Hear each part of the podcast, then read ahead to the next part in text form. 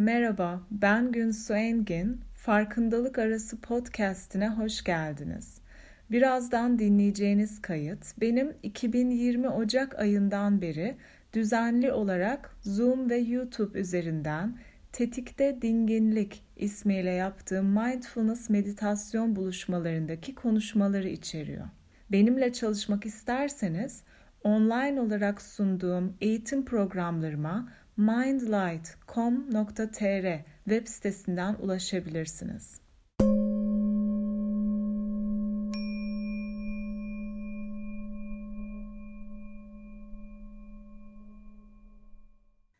Tetikte Dinginlik etkinliğine hoş geldiniz.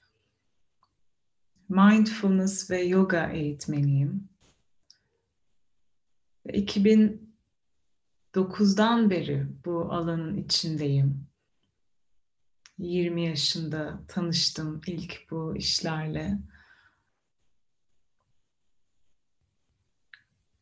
Ve çok büyük um, fiziksel ve zihinsel acı içindeydim. Hani hatırlıyorum çok depresif ve gerçekten böyle ağrılar yaşayan bedeninde ve içe kapanık, asosyal, yabani bir insandım. 20'li yaşlarımda. Ve ilk yoga dersime çok stresli ve çok ağrılı bir bedenle gittiğimi hatırlıyorum. Ve o zamana kadar hani hiç ağrısız bir gün geçmemiş. Sırt ağrıları yaşıyordum. Öyle yoksa bir hastalık olduğundan değil. Yani kas ağrıları. O yaşta 90 yaşında gibiydim yani. Ve ilk yoga dersimde sonunda dersin hayatımda hiç o kadar ağrımın olmadığı bir an yaşadığımı hatırlamadığımı fark ettim. Böyle ilk defa bedenimin içinde rahattım yani. Ve ondan sonra yogaya çok yöneldim. Böyle günde üç kez falan yapıyordum. Stüdyodaki derslere gidiyordum. Beni artık kovacaklardı stüdyodan. Ve üç sene boyunca sadece başlangıç derslerine girdim. Hiç yoga 2'ye bile girmedim. Yani öyle seviyeler oluyor ya yoga 1, yoga 2. Üç sene boyunca hiç baş duruşu da denemedim. Çünkü bir, bir huyum var böyle o temeli sağlamlaştırmaya odaklanıyorum. Gündelik kendi hayatımda böyle çok sabırsız bir insanım hemen olsun aklıma gelen şey isteği ama nedense öğrencilik hayatımda çok sabırlı olabildim. Yani gerçi bunu yoga sayesinde keşfettim. Yoga yolculuğunda keşfettim.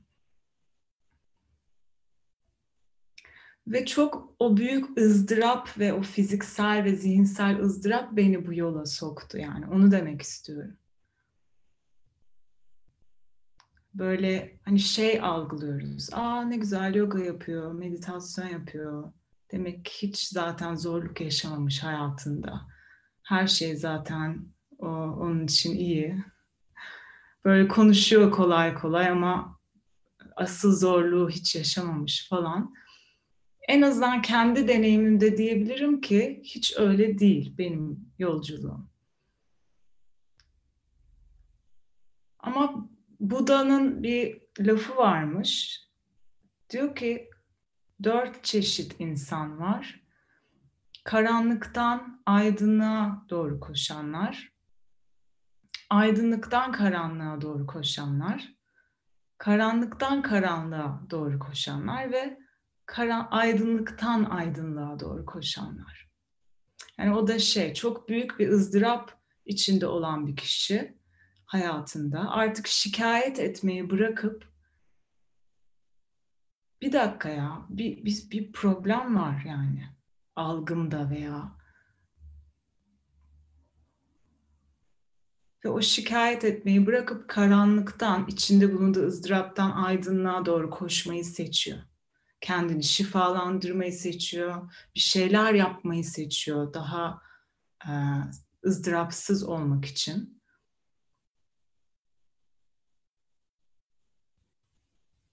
Aydınlıktan karanlığa doğru koşanlar için diyor ki çok keyfi yerindedir, çok rahat bir çocukluk geçirmiştir, hiçbir problemi yoktur. Bazı şanslı insanlar ve zengindir, hani ailesi ve zorluk yaşamıştır fiziksel.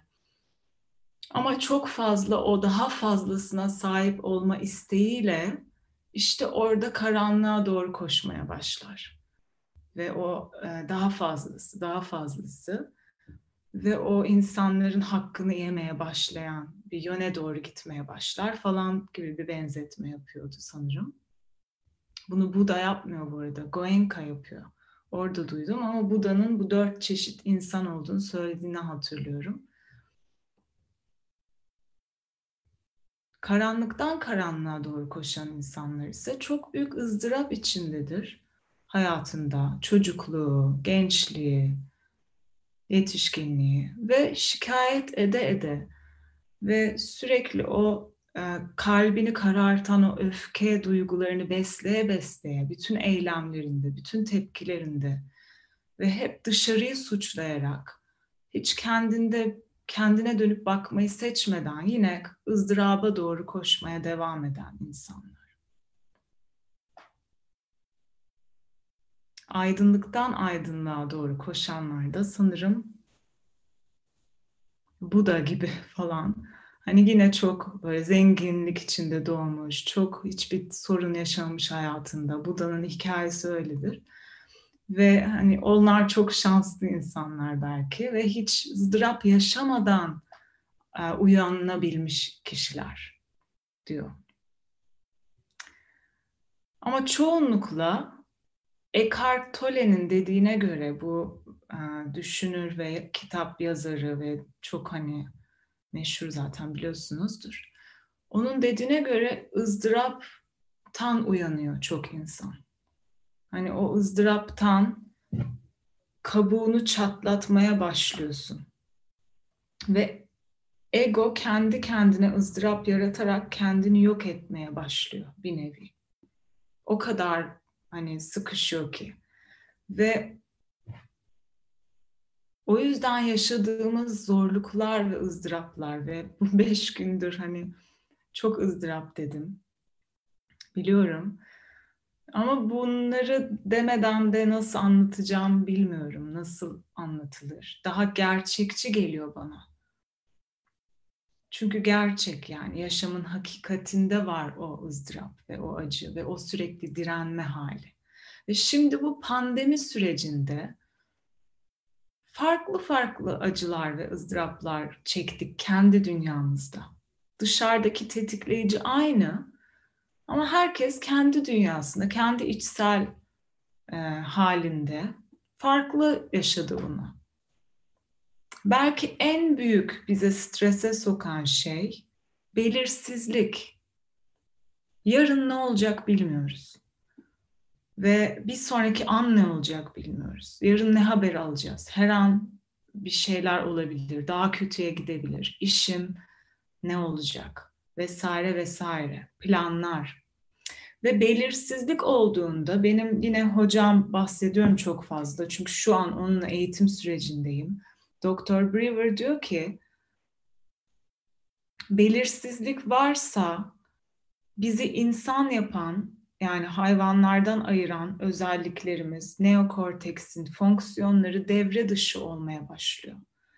Ve neokorteks yani ön beyin mantıklı düşünme, plan yapma, problem çözme, duyguları anlamlandırma bu fonksiyonları işleyen beyin bölümü devre dışı oluyor ve orasının tek istediği şey bilgi. Bilgi açlığı, bilmek istiyor. Geleceği bilmek istiyor. Geçmişi belki çözümleyerek bilmek istiyor. Ve şimdi en hani onun zayıflığına doğru e, bir tetiklenme içine girdik. Belki bu pandemi sürecinde. O bilgi ihtiyacımızı karşılayamıyoruz. Ancak ne zaman yarını veya bir sonraki anı zaten biliyorduk ki? Belki sadece bildiğimizi zannettik. Kendimiz bir sürü maddi bir şeyler koyarak, işte bankaya para koyarak, işini planlayarak, tatilini planlayarak geleceği belirli hale getirdiğimizi zannettik. Ama hiç öyle olmuyor. Hani ben şimdi şu şu tarihte tam hani Amerika'da John Kabat-Zinn'in inzivasına da olacaktım. Hani onun için para ödemiştim. Parayı bile ödemiştim. Yani kesindi. Ama böyle bir şey oldu ve John Kabat-Zinn benim evime gelmeye başladı. Hani o şu anda böyle her gün e, Zoom'da e, evet Zoom'da ve YouTube'da canlı yayınlar yapıyor. Ve işte hani çok güzel dersler çıkarabiliriz yani onu demek istiyorum. Ve bence belirlilik ihtiyacımızı şimdiki anın bu kesinliği içerisinden karşılamayı öğrenebiliriz. Ve mindfulness işte bunu yapıyor. Çünkü tek belirli an şu anda. Şu an. Bakıyorsun şu an. Her şey belirli, yerli yerinde.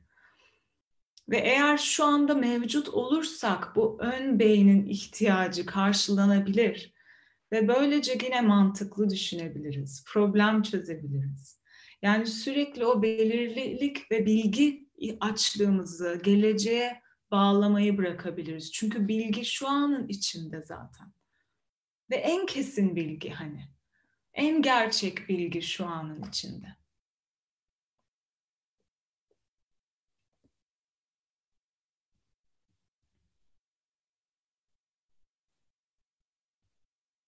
John Kabat-Zinn buna don't know mind diyor. Yani bilmeyen zihin. Tek derdimiz bu zihinle kalmak, bunu geliştirmek. Zaten zen zihni ve başlangıç zihni denen şey o. Hani hiç e, bilmeme haliyle rahat olabilmek. Ama bu şey değil, cehalet halinde bir bilmemezlik değil tabii ki. Bilmediğini bilmek derler ya, onun gibi bir şey bahsettiğim. Çok hoşuma giden bir yazı var, onu okumak istiyorum. Bir, birkaç dakika daha. Bu kitabı size önerdim mi? Joseph Campbell'ın çok kapağı çok ilgi çekmiyor. Çok böyle popüler bir şey gibi gözüküyor ama içeriği inanılmaz güzel.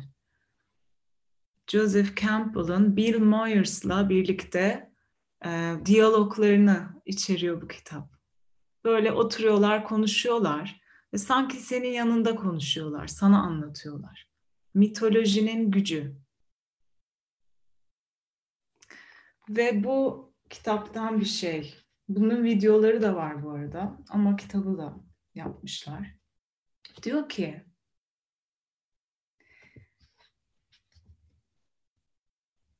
İnsanlar tek aradığımızın hayatın anlamı olduğunu söylüyorlar. Ben gerçekten aradığımızın bu olduğunu düşünmüyorum. Bence aradığımız şey hayatta olma deneyimi. Böylece tamamen fiziksel düzlemdeki hayat deneyimlerimizi kendi en iç varlığımızda ve gerçekliğimizde de anlam bulacak ki hayatta olmanın coşkusunu gerçekten hissedelim.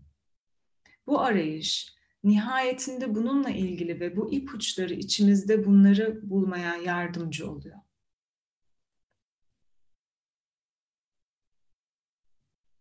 Ve diyor ki Joseph Campbell, anlam arayışı değil, anlam deneyimi değil, yaşam deneyimi. Zihin anlamlarla ilgilenir. Bir çiçeğin anlamı nedir? Buda'nın yalnızca bir çiçeği yerden aldığı bir zen hikayesi vardır.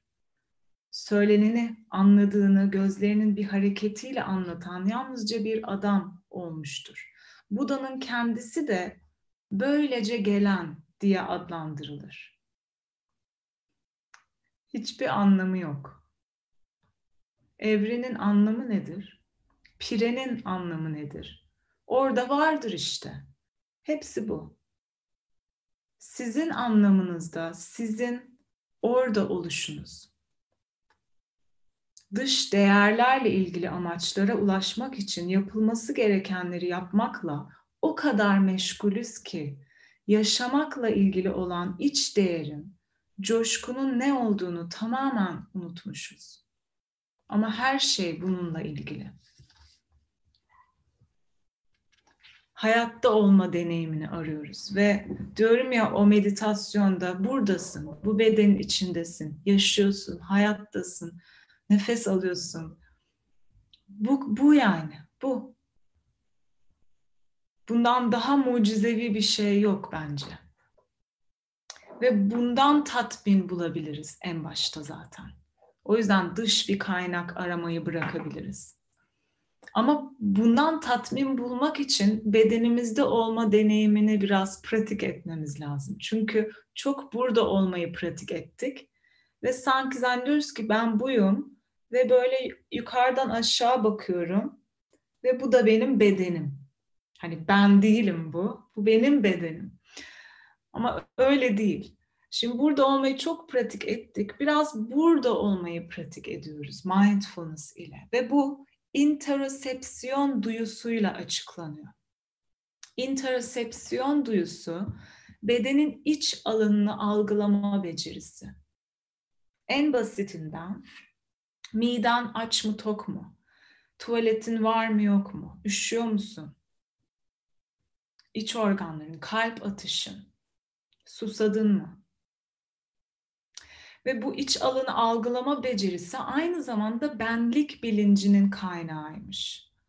Hani ben varım, şu an hayattayım, bir amacım var, nefes alabiliyorum.